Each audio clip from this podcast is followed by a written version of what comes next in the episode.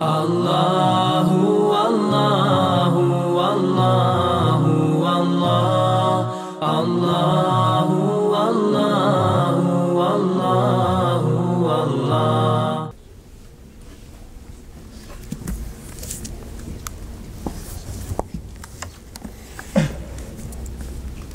إن الحمد لله تعالى نحمده نستعينه ونستغفره ونستهديه ونعوذ به من شرور أنفسنا ومن سيئات أعمالنا. من يهده الله تعالى فهو المهتد ومن يضلل فأولئك هم الخاسرون. رب اشرح لي صدري ويسر لي أمري واحلل عقدة من لساني يفقه قولي. ثم أما بعد.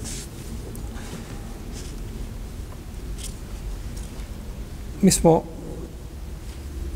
došli do ajeta 187. odnosno već smo par predavanja vezani za ovaj ajet i završit ćemo inša Allah danas.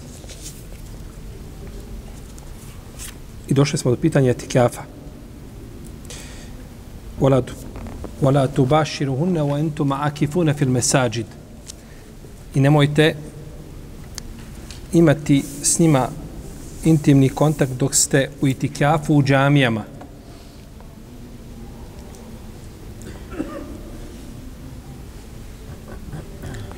Složni su učenjaci da je tekjaf ne može biti nego u džamiji. Zbog ovog ajeta. U entum akifune fil mesajid. A vi ste u itikjafu u džamijama. Što znači da itikjaf neće biti mimo džamije, niti može neko boraviti u svojoj kući u itikjafu, niti u džamiji u svojoj kući, ako ima džamiju u svojoj kući, slično tome.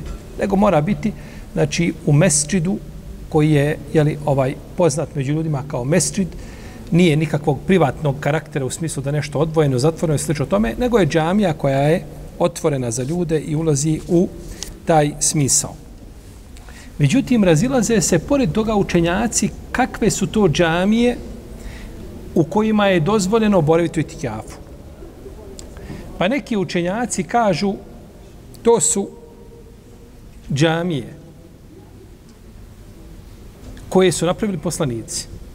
Znači, može se biti u etikjafu u džamijama ako je tu džamiju napravio poslanik. Poput Mesjidul Harama, poput poslanikove sam džamije i poput Mesjidul Aksa. I etikjaf je dozvoljen samo u te tri džamije. Nije dozvoljen, znači, u drugim džamijama. To je stav Huzeyf ibn Limana, Sejde ibn Musejiba, a u vezi s mjestom znači boravka. Imaju neki kasni učinjaci koji su to odabrali. Uglavnom to je stav apsolutne manjine islamskih učinjaka.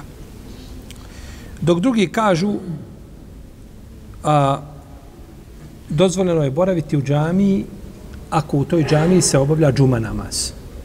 Znači svakako pet redovnih namaza ima ima i džuma namaz.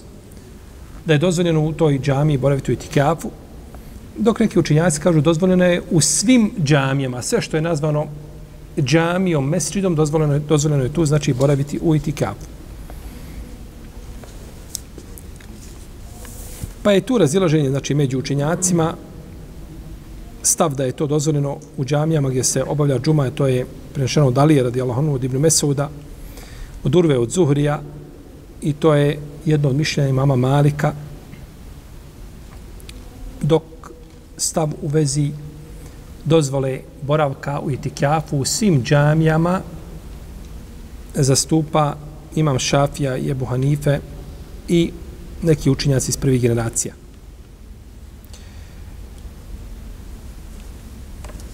Dokaz imama Ebu Hanife i imama Šafije jeste ovaj kuranski ajet.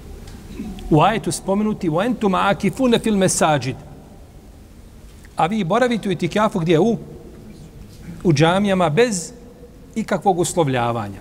Pa svaka džamija koja imama ima ima svoga imama redovnog imamo jezina, dozvoljeno je šta boraviti u u itikafu.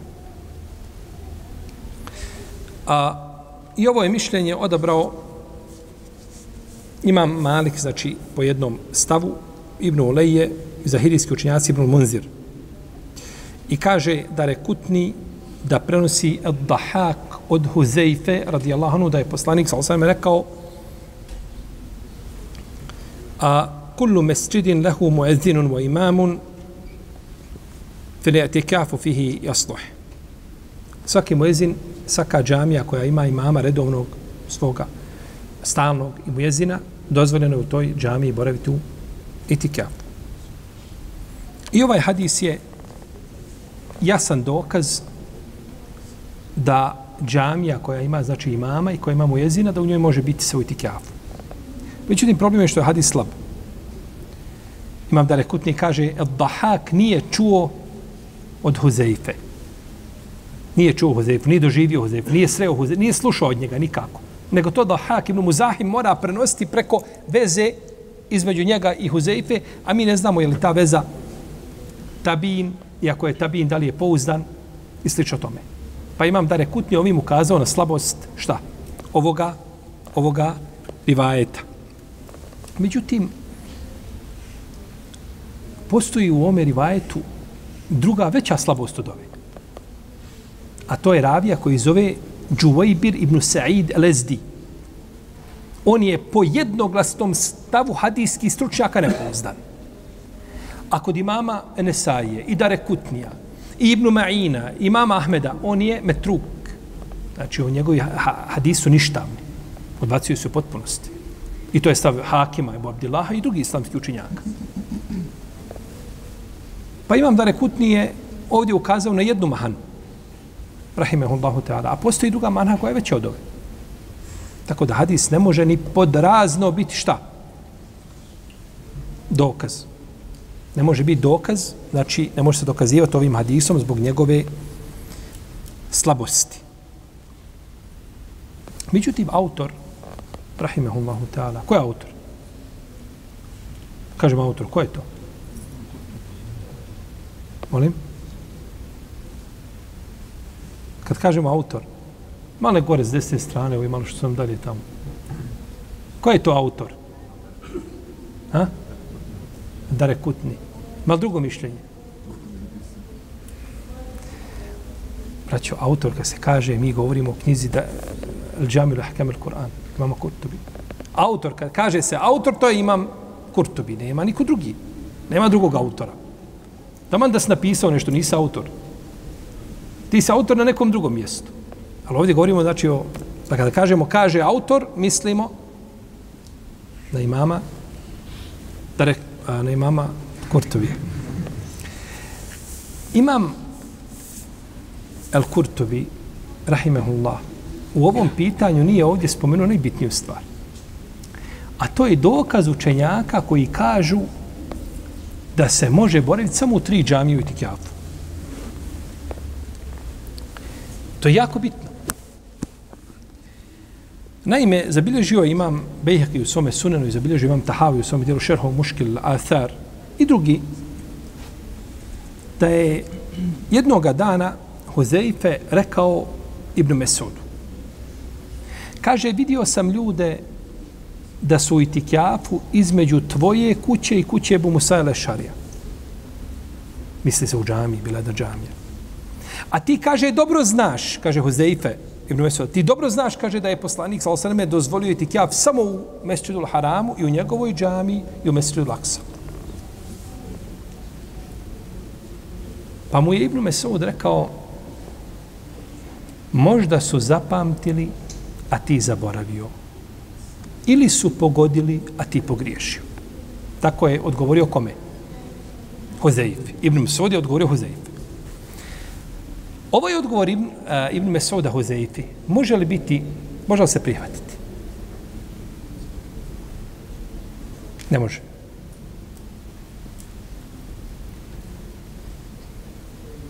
Ne može se prihvatiti, tako je. Ne može se prihvatiti. Zato što, zašto se ne može prihvatiti? Zato što Huzeifa prenosi hadis. Kaže on Ibn Mesud, a ti znaš o Ibn Mesud da je to poslanik sam zabranio. Pa Ibn Mesud kaže, možda si ti pogriješio, možda ti nisi dobro zapamtio, možda s druge to zapamti bolje od tebe. To je, od Ibn Mesuda, to je njegovo mišljenje. A Huzeifa prenosi šta? Hadis. I ovaj hadis je vjerodostojno ocjenio imame Zehebi i šeha Albani. Znači, etikjaf bi mogao biti, znači, samo onda u tri džamije, shodno hadisu, koga prenosi, znači, Hozeife radijallahu. Iz toga, naredne godine ćemo ovdje na džamiji napis plakatu, šta? Nema više etikjafa. Etikjaf je bivao tri džamije, imamo za to vjerodostojan šta? Hadis.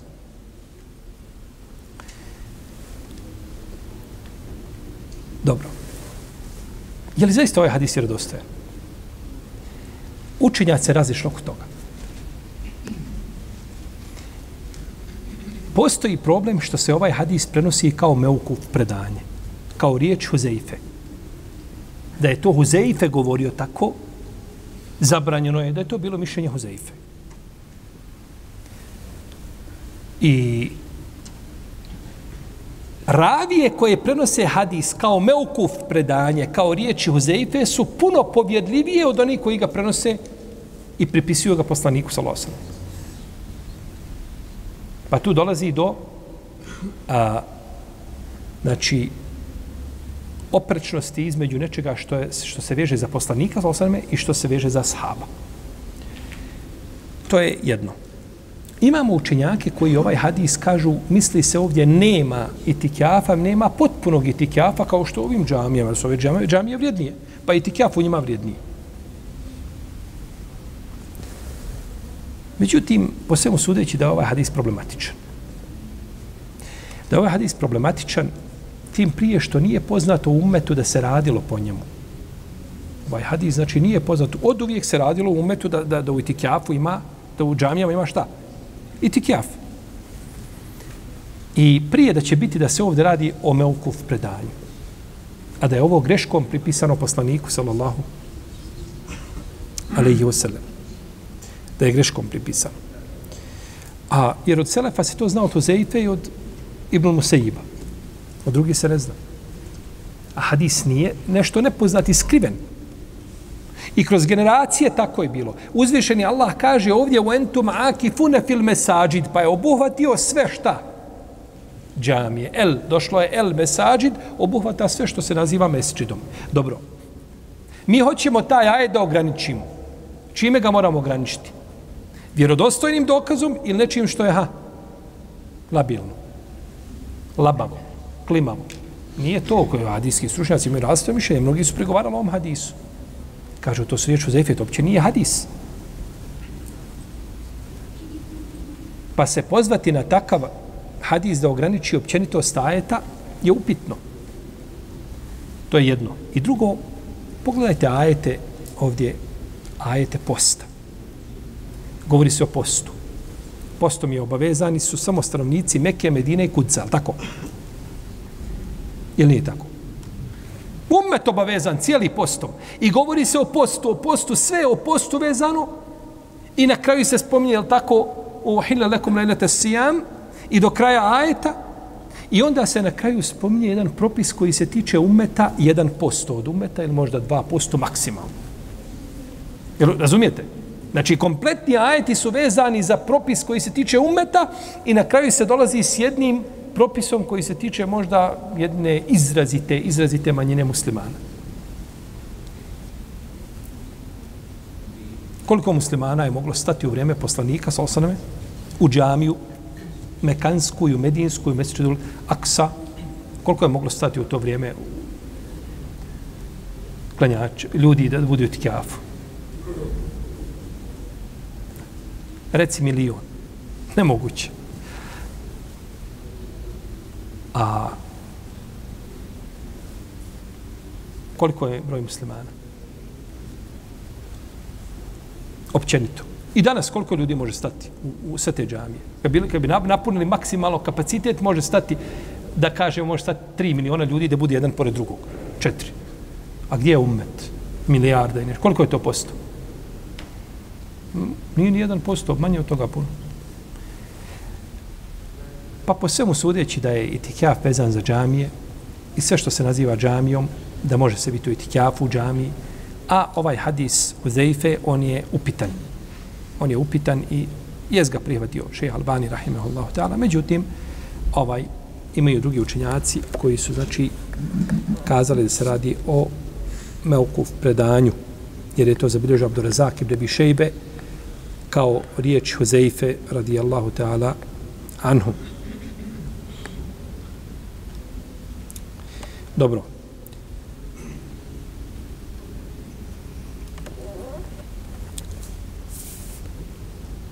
Najmanje vrijeme koje se treba provesti u itikafu jeste kod Ebu Hanife i kod Malika dan i noć. Pa kad bi rekao čovjek obavezao sebe da bude dan jedan u itikafu, dan, misli na dan od zore do akšama, morao bi biti dan i noć. Jer ne može biti šta? Kao što čovjek ne može klanjati jedan rekiat dobro ovog namaza. Moraš klanjati dva rekiata.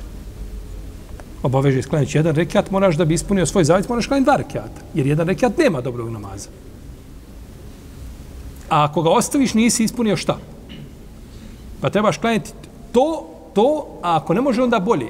Kao nešto čovjek što se zavjetova da će provesti ovaj, u itikjafu, ili tako, ovaj, u Mesiru Laksao. Pa mu kaže poslanik, boravi ovdje. u Pa je na kraju on bio uporan da ode, pa kaže kako hoćeš. Ali u poslaniku je on džami, ako boraviš, to ti je bolje nego šta? da kažeš klanjaš jedan namaz u poslaniku sa sallallahu džami da se da se zavjetuješ ne može ti taj to ti ne može skinti tu obavezu da klanjaš u toj džami ili ili u mekanskoj džami zato što u mekanskoj džami uradio 100 i još više od toga klanjaš dva rekjata i još dodatno na je tako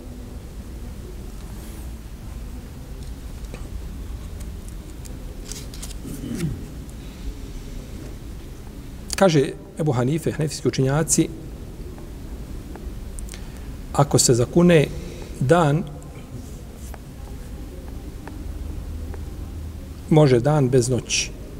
A ako se zakune noć, zakune za zavjetuje noć, da će prositi kafu, onda nema nikakve obaveze.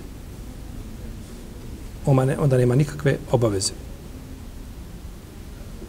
Šafija kaže može i manje od toga, može jedan trenutak, neki anefijski učinjaci kažu može jedan sahat.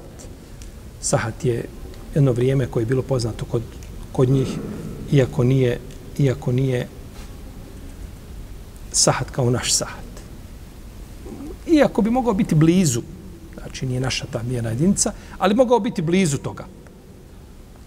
Jer kako došlo u hadisu, tako ako dođe na džumu, u prvom sahatu, pa u drugom sahatu, pa u trećem, Misli se od posle zore ko dođe do podne. Pa kad to podijelite na ti šest sati koje je spomenut, to je to negdje vrijeme, ili, znači, pa shodno tome čovjek ne bi bio zadužen postom. I to je stavi šafijski učenjaka i hambelijski učenjaka, Omar ibn Abdelaziza, Tavusa, Ibn Mesuda Hasana i drugi.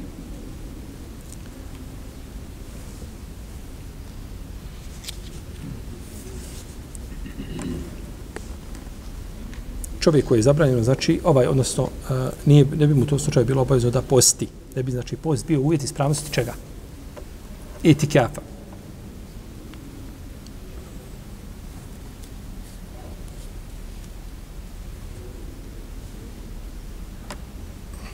Čovjek koji je zabranjeno da je kontakt ima sa ženom intimni, dok je u etikafu bilo po noći ili po danu. Zabranjeno. Jedno i drugo. Pa je znači, a noć nije vrijeme čega? Posta. Noć nije vrijeme posta. Pa tako ne bi bio ni dan. Znači, iako je čovjeku bolje da definitivno koji ti kafu da posti, međutim obavezati ga, obavezati ga striktno da posti, to je upitno. Kažemo da, da, je, da je vađib, da bi morao postiti, to bilo upitno. Jer za to nema jakog dokaza. Nema jakog dokaza, To se prenosi od, od, od Al-Kasim Muhammeda, prenosi se od Nafije, učenika Ibn Omara, tako bi žima Malik da su zabranjivali to, da su zabranjivali, znači, etikav bez posta. Međutim, nema za to argument, nema dokaz. Hadis u kome kaže poslanik, sal sveme, u kome je rekao čovjek koji se zavjetovao kaže da je to bio Omar, radi Allah, to je došlo u redostojnoj drugoj predaj, kaže, ispuni svoj itikaf i posti. E, taj i posti, ta naredba, da je vjerodostojna, bila bi dokaz. Ali nije vjerodostojna, taj hadis je, je ispravan, kao kaže imam Dare Kutni, tako kaže imam Ibn Hazm, tako kaže Ibn Hajar, Sanaani, Šaukani i drugi učenjaci. Kažu taj hadis nije ispravan, odnosno taj dodatak, ima ispuni svoj zavjet i boravi u tikjafu. Iako se zavjetovao gdje u, u džahilijetu prije islama. Međutim, i posti dan, taj dodatak je posti dan nije, nije ispravan.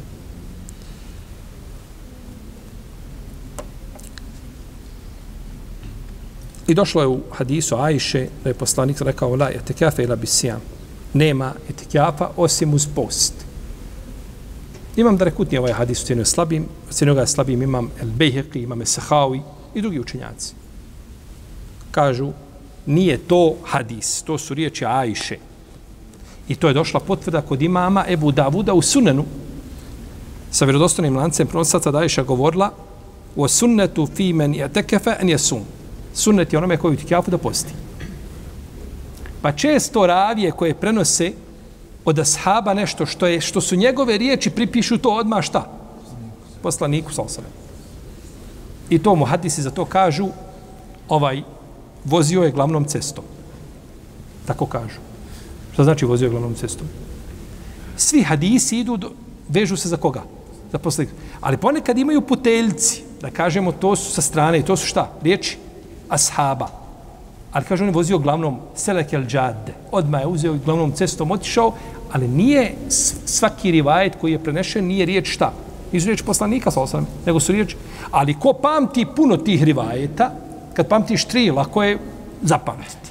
Ali kad pamtiš 30.000 i onda dobro, je to, to sad riječi Ajše, ali su riječi poslanika, sa osam, u tome ravije pogreše. Pa ide glavnom cestom i odmah to pripiše, jel tako, ovaj zakonodavcu i tu onda nastanu problemi. A od Ajše je došlo da je ona govorila da nema čega. Etikjafa bez posta. To je da Ajša je to govorila. Ali riječ poslanika, svala se, to je upitno. Tim prije što su tri velika hadijska stručnjaka, imam ovaj el, imam el Bejheqi i Sehawi, kažu da je to sto riječ Ajše. I ovaj rivajet je došao od Sufjana ibn Huseina. Prenosi ga od Muhameda ibn Šihaba iz Zuhrija. A Sufjan ibn Husein je, on je vjerodostojan ravi, on je kao ravija pouzdan. Ali kad prenosi od svoga učitelja Zuhrija, njegovi rivajeti nisu ispravni. Znači, on je u osnovi autentičan ravija. Ali kad prenosi od jednog, onda tu nastaje gdje? Tu nastaje problem. Jer nije po pitanju njegovih hadisa, nije ovaj to utegao ili nije zapisao dobro ili je puno prenosio iz pamćenja pa griješio i sl. o tome.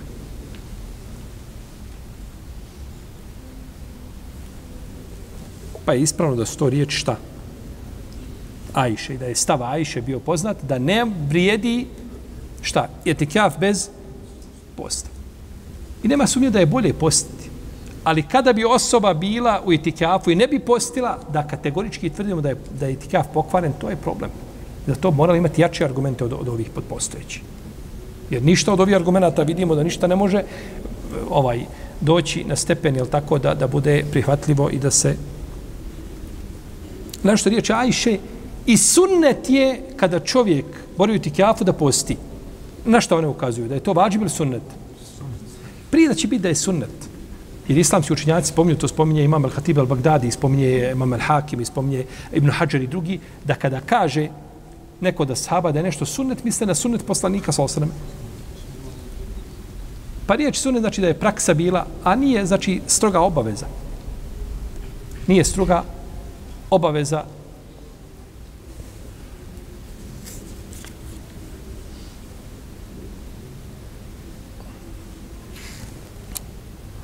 Dobro.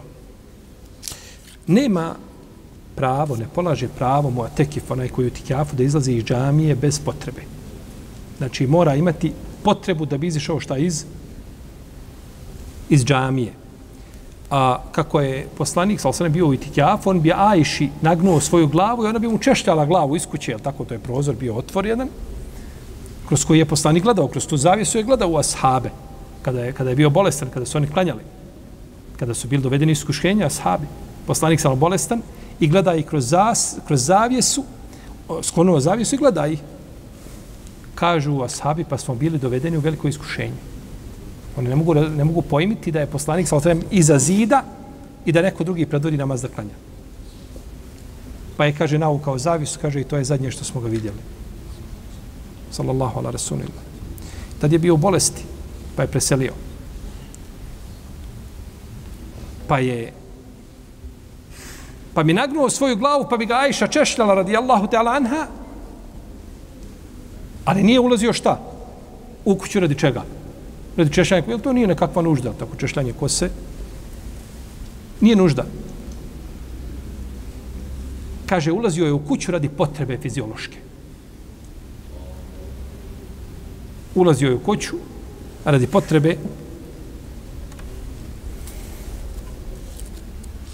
Iako Ajša spominje u nekim predajama da, da ovaj, kada je bila pa, fitna, ona e, potvore Ajše, kad su krenule ona i umu mista, kad su krenule u Napolje da idu, da idu u ovaj klozete, kaže, a ta su klozeti bili, bili poljski, kaže, Arapi sebi nisu dozvoljavali da im klozeti budu u kući.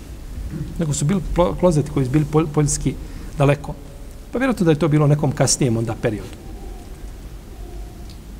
Ulazio bi radi potrebe. I nema oko toga razilaženja među učinjacima kad je potreba čovjek, hranu mu nema ko donijeti. Ako ima ko da donese hranu, ne smije izlaz napolje. Može doći sin, donijeti kesu, sendvič, ovaj, za večeru nešto donijeti hranu, za doručak nije dozvoljeno da izlazi. Ako nema niko, njemu je dozvoljeno shodno potrebi. Koliko je potreba da iziđe, bolestan da ode doktoru, da lijeka, slično tome. I a ostali, ostale, znači ostalo, e, šta mu, da li mu je dozvoljeno, nije dozvoljeno, to je razilaženo među učinjacima, je mu dozvoljeno da izlazi on, ako je dženaza. Umro neko, umro mu komšija. Može li izaći iz etika vodiću na dženazu? Oko toga se razilaze islamski učenjaci. Neki prave razliku između obaveznog i dobronog etikjapa. Neki kažu ako uvjetovaće prilikom ulaska u itikaf, da ako bude, kao što čovjek uvjetuje na hađu, štiraltima. Kažu, to može. U svakom slučaju, čovjek je najbolje da ne izlazi ako nema potrebu, kako kaže Ibn Munzir, poslanik je izlazio kad, kad bi imao nekakvu veliku potrebu, a nije izlazio, znači radi ovaj pukih, jel tako, ovaj, nekakvih potreba koje, koje, koje su odgodive, koje nisu nužne i slično, i slično tome. Isto tako razilaze se, hoće li izlaziti na džumu? Ako boravi u džamiji gdje nema džume, gdje se ne, ne obavlja džuma. U arapskom svijetu imate džamije, imate jednu uvijek u, u tim, u tim e, četvrtima oblastima, svaki ta, ta oblast ima svoju jednu glavnu centralnu džamiju, ovoliku ili veću od ove džamije, gdje se ljudi skupljaju na džume. A ti mesčidi koji su po, po, po, po mahalama, u njima se ne klanjaju džume. Džuma tu nema. Znači, džuma je u jednoj centralnoj džamiji. Tako treba da bude. Da se manji, znači, mesčidi, u njima nema, nema džuma. I čovjek sada boravi u svojoj lokalnoj džami u Itikafu i hoće li izlaziti petkom na džumu. Predmet razilaženja među učenjacima. Jedni kažu hoće i dok se pres, dok preselami na džumi farzu, vraća se odmah nazad šta? Jer to je nužda. Da ostane tu dalje, klanja sunnete, selami, se upita se s nekim, više to ništa, to ne ulazi, znači, nijukom ovaj kontekstu u poglavlje, znači, a niti pojam nužde. Pa, kaže, on je izišao da obavi farz i time nije pokvario svoj itikjaf. Šerijet ga time duži. To je stavi mama Malika i Ebu Hanife i odabro ga Ibn Arabi. Maliki, Munzir drugi učenjaci.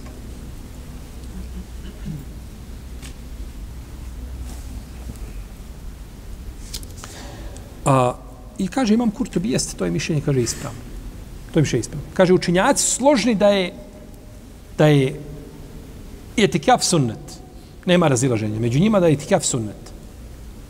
A izrazita većina učenjaka kažu da je džuma obaveza svakom punoljetnom pametnom muslimanu. Po jasnim šerijatskim dokazima. A Pa kaže, kada se dva vađiba nađu i treba jednom da se da prednost, gleda se koji je na većoj, na većoj stepenu, na većem deređu. Koji ima veću deređu od ta dva vađiba. Pa se daje prednost većem vađibu. A kako onda kada dođe u koliziju sunnet sa čime? Vađibu. Pa čak i kada bi rekao, on se obavezao na itikjaf, on je rekao da se Allahu zavjetuje na itikjaf, taj opet vađibni na stepenu čega? Stepenu džume, tako? Pa džuma bi u svakom slučaju onda imala prednost. Tako da ne bi se ostavila džuma nijekom, znači, slučaju, jeli, i taj izlazak bi bio obavezan. Kaže autor dalje, rahimahullah, kaže i čovjek koji ti kjafu, ako počini veliki grije, mu je ti kjaf. Ako počini veliki grije, pokvareno je ti kjaf. Kaže, zato što je veliki grije suprotan, on je u koliziji sa pokornosti. Pa bi sebi pokvario time, kao što je, kaže, gubljenje abdesta u koliziji sa čistoćom. Pa čovjek koji bi izgubio abdest, pok, je ta, tako, ovaj, izgubio abdest i pokvario sebi namazak u namazu. Znači, ko je u itikjafu, dvojica sjede i kažu, što još nema Efendija u ikindija? Kaže, pa, ja sam očekio da će kasniti. Inače, takav je tip, voli za kasne namaze. Ko to kaže? Dvojica koji su šta? U itikafu. Jesu govorili Efendiju? Jesu. Jesu počinili veliki grije? Jesu. Znači, mogu pokupiti stvari, ići kući. To bi bilo sodno, jer ogovaranje je veliki grije bez razilaženja među ulemom. Je tako? Bez razilaženja među ulemom, ogovaranje je veliki grije. I ova dvojica tako razgovaraju Efendi, eto, i tako spomenu Efendi veliki. Znači, pokvari svoj šta? Etika, sodno rečima autor. Nije, ovo ne stoji. Ovo ne stoji. Nema, nema dokaza za to. Nema dokaza. To je grije što je uradio, tačno. I treba se pokretu toga. I treba tražiti halal defendije. Međutim, nije šta? Pokvario se biti kjaf.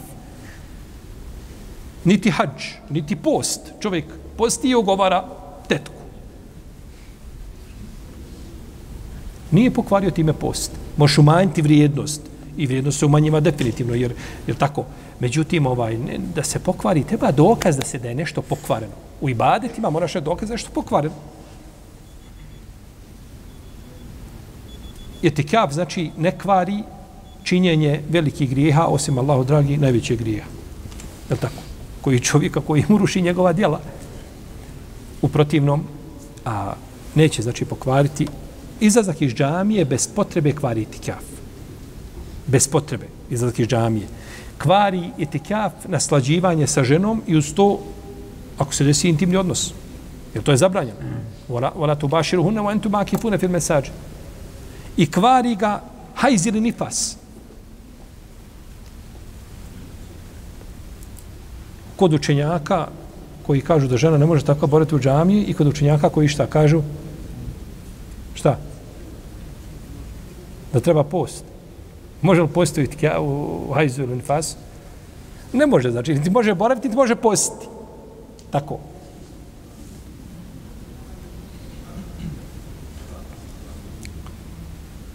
I kvari post, kažu, kvari tikjaf, kažu učenjaci, žena koje muž umre.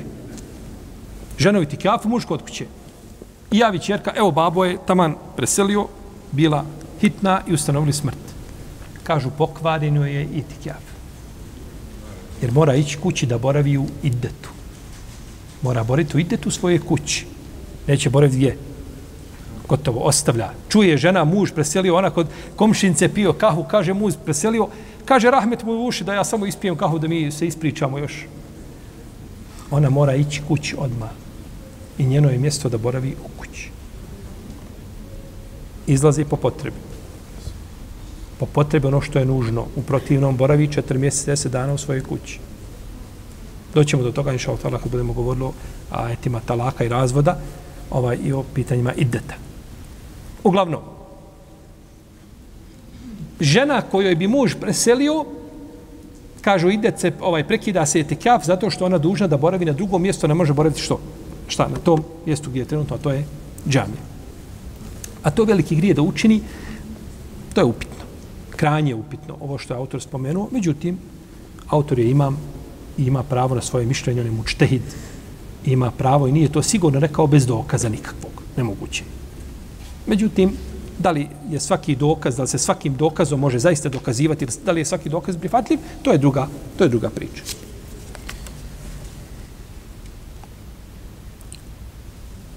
Dobro. Kada mu je ulazi u itikaf? Imamo hadis kod muslima u sahihu, nekod Buhari isto, da je poslanik, sal sveme, klanjao sabah namaz thumme dehale muatekefehu. Potom je ušao u muatekef, itikaf. Klanjao je sabah. Pa shodno to mišljenju u itikaf se ulazi posle sabaha, znači dođe se u džamiju, a ako bi došao prije sabaha namaza, prije nastupa vremena, to bi bilo to bi bio kraj 21. lunarne noći. Ramazan, je u redu? Ajde da govorimo o Ramazanu. Znači, 21. noći dolazi pred samu šta? Zoru. Ili u vreme zana, nije bitno ulazi. I poslije završenog namaza počinje s čime? Sjeti kjav. To je shodno ovom hadisu. Apsolutna većina učenjaka, četiri pravne škole, Ebu Hanife, Malik, Šafije, Imam Ahmed i njihovi sljedbenici, nisu tako protefsirali ovaj hadis. Oni kažu ne, itikaf počinje na večer. Dolaziš u džamiju pod kraj 20. Ramazana ili prije samog početka 21. šta? Noć. Jer je noć prije 20. dan, nakon njega dolazi ono 21. šta? Noć. To je stav većine učenjaka. Ko želi zadnji 10 dana Ramazana, tako bi uradio. Neki spominju 20. ovaj 20. noć, ovaj Ako misli ima 30 dana, onda je dovoljno 30, 21. Jer od 21. do 30. tako je 10 dana. A ako bude bio manje, Ramazan, ovaj, onda bi bio 9 dana. Ali se ponekad devet, kao što kažemo, prvi 10 dana šta? Lijepo je postiti prvi 10 dana mjeseca Zulhidžeta. Postiš 10 ili 9? Koliko postiš? 9. Ne možeš deseti post nikako, ni pod razno. Ne smiješ. Haram post na Bajram. Ali se kaže deset. Je tako? Dobro. Vidimo sada ovaj, većina učenjaka govori suprotno hadisu. Tako.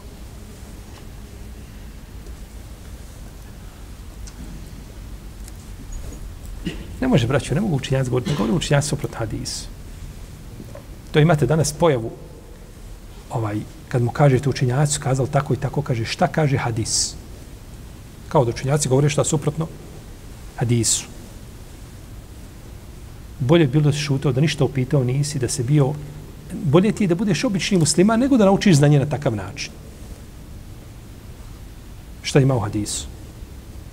Pa ne govori ulema suprotno hadisu, ali ti ne razumiješ hadis.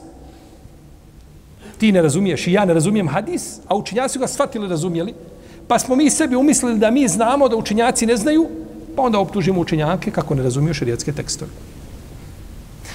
Poslanik sa kada je klanjao saba, prvo, dan počinje, šarijetski dan počinje, je tako, zalaskom sunca, novi.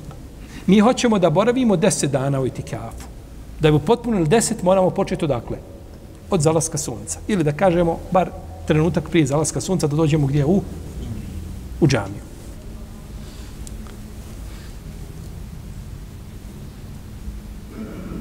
kada je poslanik sa oklanjao Saba, on je ušao u Muatekef, misli se na jedno posebno mjesto u džami koje mu je bilo pripremljeno u obliku šatora ili tako nešto i tu se je smjestio. Da ima svoju intimu, svoju osamu, da može Allaha veličati, zikriti i tako dalje. A ne misli se ušao je došao je u džamiju. Nego kaže se, nije reklo ušao je u džamiju, nego Muatekef. A Muatekef je malo mjesto gdje je ušao u itikaf. Pa je ispravnije, znači, mišljenje džumhura učenjaka. Jer Ajša govori ovdje o jednom posebnom momentu. A to je da je poslanik, sa osaneme, nakon sabaha odvojio se. Znači, ne, zar nije sebi stavio jedne prilike šator? Pa došla jedna žena, stavila šator, pa druga žena, pa, pa kad je vidio, kaže, šta je ovo? Kažu, kaže, dobročinstvo ženite? Kaže, mičite sve. Pa nije htio biti u itkjafu te godine. Žena je tako jedna došla, pa druga, pa ljubomora, pa treći sebi sad to, je tako da budu u blizini? Pa je, kaže, dobročinstvo hoćete, na takav način dobročinstvo, pa je to sve maknuo. Izišao iz itkjafu. Pa je nakon toga bio itkjafu. Znači, ovaj, nije ovdje moja tekef, ne cilja se džamija, nego cilja se jedno posebno mjesto u džamiji gdje je ušao šta u? U itikaf.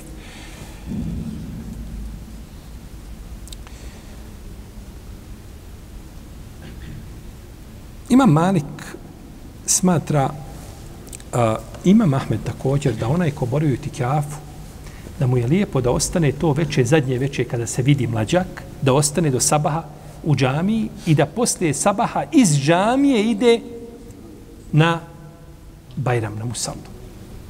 Da izlazi iz džamije na Musallu. Kažu, to mu je pohvalno. Dok kažu, imam šafije u zaja da ide nakon što zađe sunce. To je ispravni mišljenje. To je ispravni mišljenje. Taj ostanak do sabaha i da je on pohvalan, to moral dokazati. I da se iz džamije, da možeš se iz džamije ići, na saba dođeš u džamiju, podeš mu salu, nije problem. Ali da ostaješ, da mu tekif ostaje još u oči Bajrama u džamiji, to, kako to tretiramo? To itikaf nije, jer itikaf završen time. Kako bi to tretiralo onda? Da je boravak, u šta bi ga svrstali? I koji bi mu hukm dali? Koji propis? Nema za to dokaza, znači tako da je ispravnije, ali najbolje zna da se ide ovaj, jer mjesec završava, znači zalaskom, zalaskom sunca. Zalaskom sunca završava dan i ovdje samim tim šta je mjesec Ramazan. Tilke hududullah, to su Allahove granice. To su Allahove granice, nemojte ih prelaziti. Tilke hududullah. Nemojte prelaziti ono što vam je Allah postavio kao granice. Kedalike ubijinu Allahu ajatihi li nas, tako Allah pojašnjava svoje ajete ljudima u pogledu svega, svih propisa. Svim propisima imaju dokazi, ajeti, šta ti je dozvoljeno, šta ti je zabranjeno, imaju granice, znači pa ih ne prelazite da bi se uščuvali ne Allahom je tekun, da bi se uščuvali, da bi se uščivali ne ljudi svi općenito, nego oni koji Allah uputi na pravi put, koji ima da snage i volje i uspjeha da ustraju na istin protivnom, je tako, uputa je vezana za Allah, za Allahu za volju, pa on ostavlja u zabludi koga želi.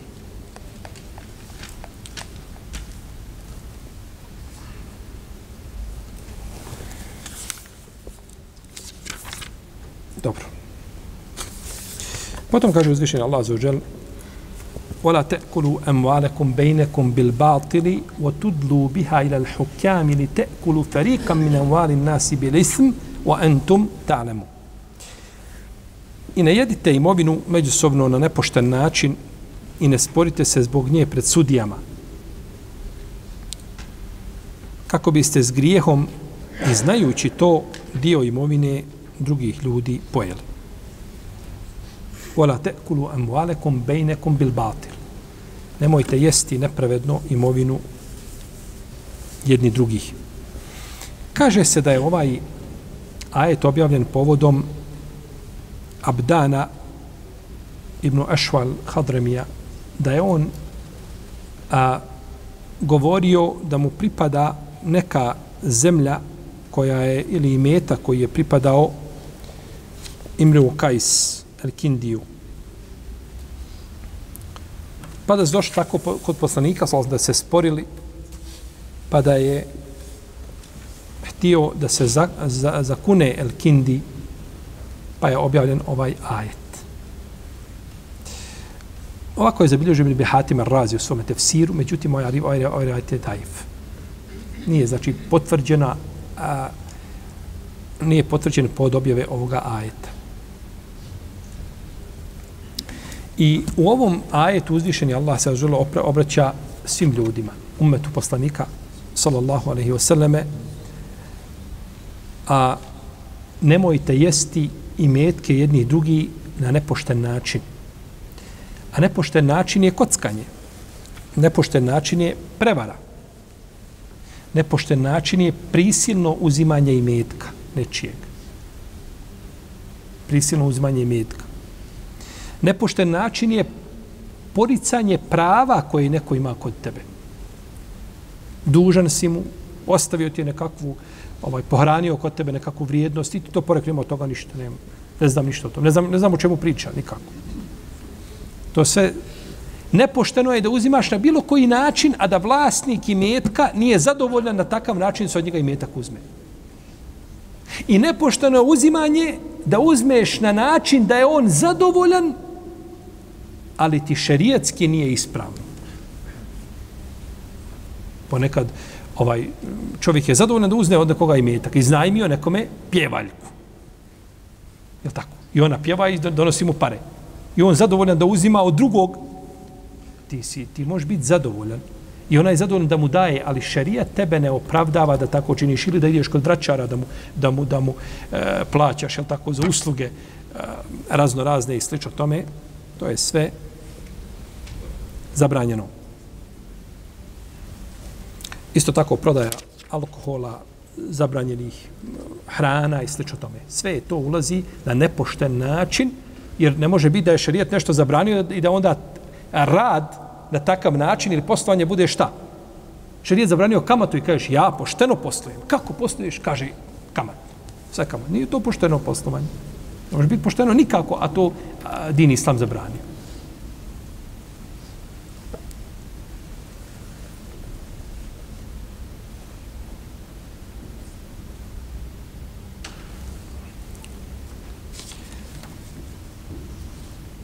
Tako, ko uzme imetak drugog čovjeka, nepravedno,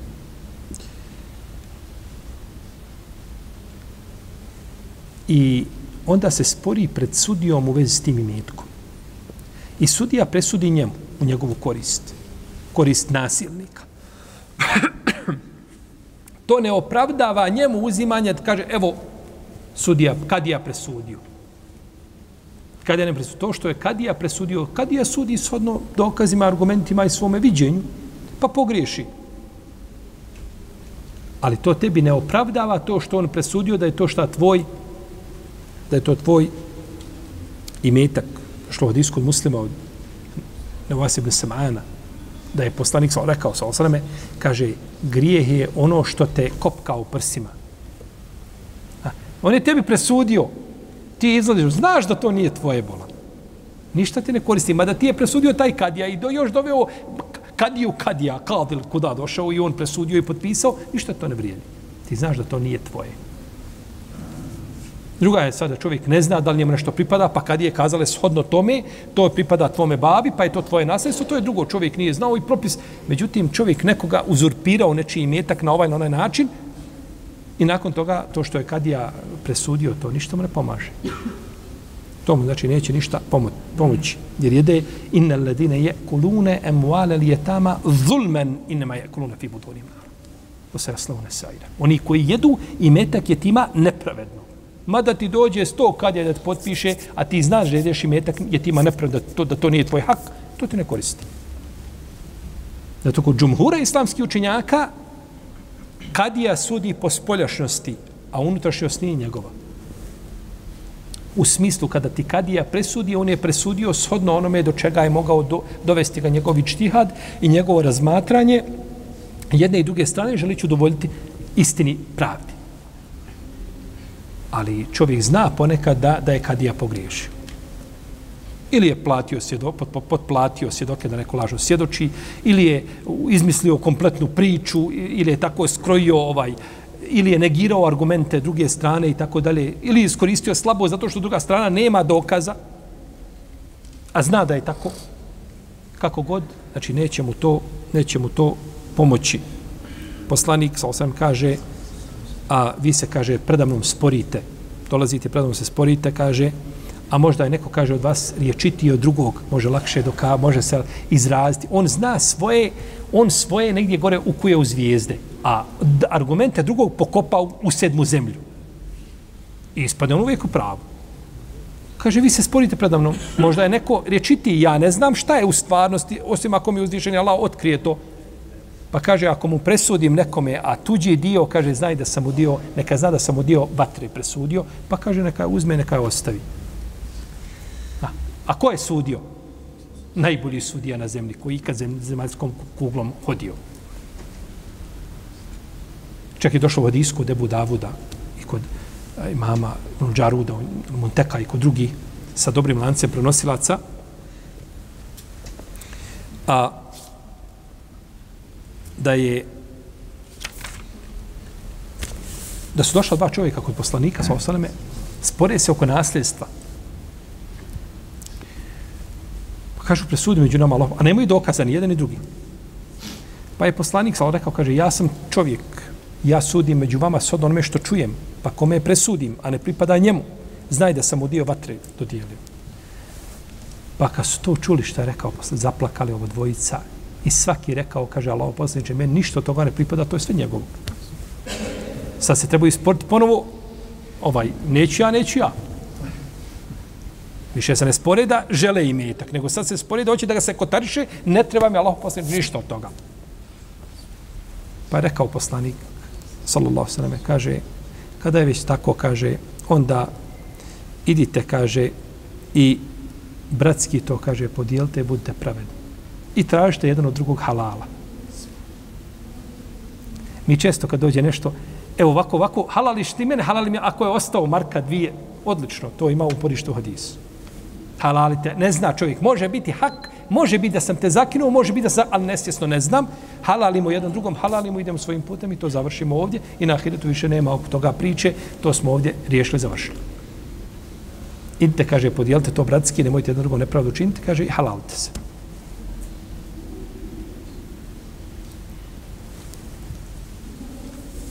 Pa ja, ashabi su bili takvi da im je bilo dovoljno da im se kaže jedan hadis i to bi rješavalo probleme.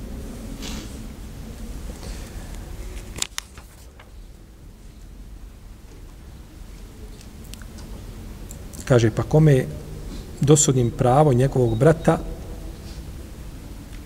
neka to ne uzima.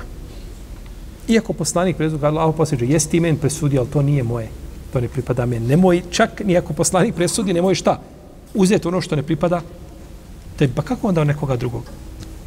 Tako da, kadina presuda ništa ne opravda. To opravdava ovdje, zamazao si oči društvo oko tebe, jel tako? E, izišao ja čist, tamo me neko oslobodio, evo ja čist, ništa nemam sve ti si čist pred ljudima. I zato je sudnji dan da se pokaže istina i hak. I šta se daš? Vol vezno je ome idin hak. Neće biti nikakve nepravde i neće biti, sve će se, i najsitnije će se, znači, nepravde pokazati, a našto te lažne, jel tako, ovaj, a, presude i, i, i, i općenito, znači, ti sporovi među ljudima koji su zbog koji su mnogi hakovi. Jedne prilike je čovjek ustao u džami i nešto je bilo. Imam je držao predavanje, što ono, posle toga ustao u džami i kaže ljudima, ja ću vam kaže, samo jednu stvar kazati. Kaže, 40 godina sam, kaže, bio u zatvoru zbog lažnog svjedočenja. 40 godina sam bio zatvoren zato što je čovjek podkupio, a danas može se doka podkupiti za 100 maraka, znači ispiše mu 10 stranica, sve na pamet nauči. I još ga ti kontrol, unazad da ti čita, unazad će ti sve, to kazati. 10 stranica za 100 maraka samo. I odvede i, i, i, i tog i, i, i sebe u, zazove Allahu srđbu na sebe zbog lažnog svjedočenja. Otudlu biha ilal hukam, pa da se nakon toga sporite, Neki učinjaci kažu to se misle na, za povjerene stvari koje su ostale kod ljudi. Neki kažu to se odnosi za etime i etimski imetak. Uglavnom, kako god, ovaj, ne treba se sporiti zbog tuđeg imetka. Znaš da nije tvoje, da nemaš u tome hak i ti se sporiš pored toga, ne bili se kako dograbio toga.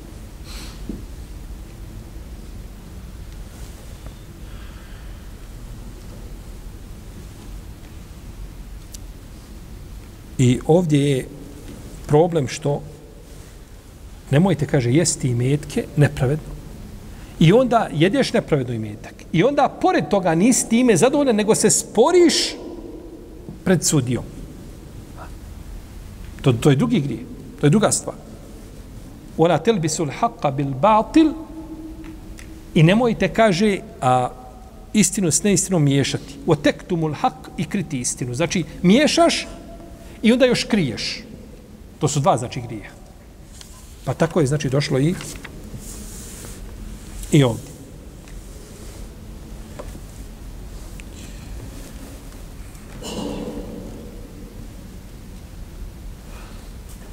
Isto tako da se daje mito. Znači to, ovaj, sudije su, tu je opravdana sumnja kad su u pitanju kad je sudije za, za mito. Opravdana, šta, sumnja. Kaže, imam kurtobi, kaže, nije, kaže, opravdana sumnja. Kaže, to je u naše vrijeme sigurno.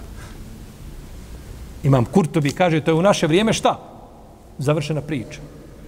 Što mislite onda, šta je u našem vremenu?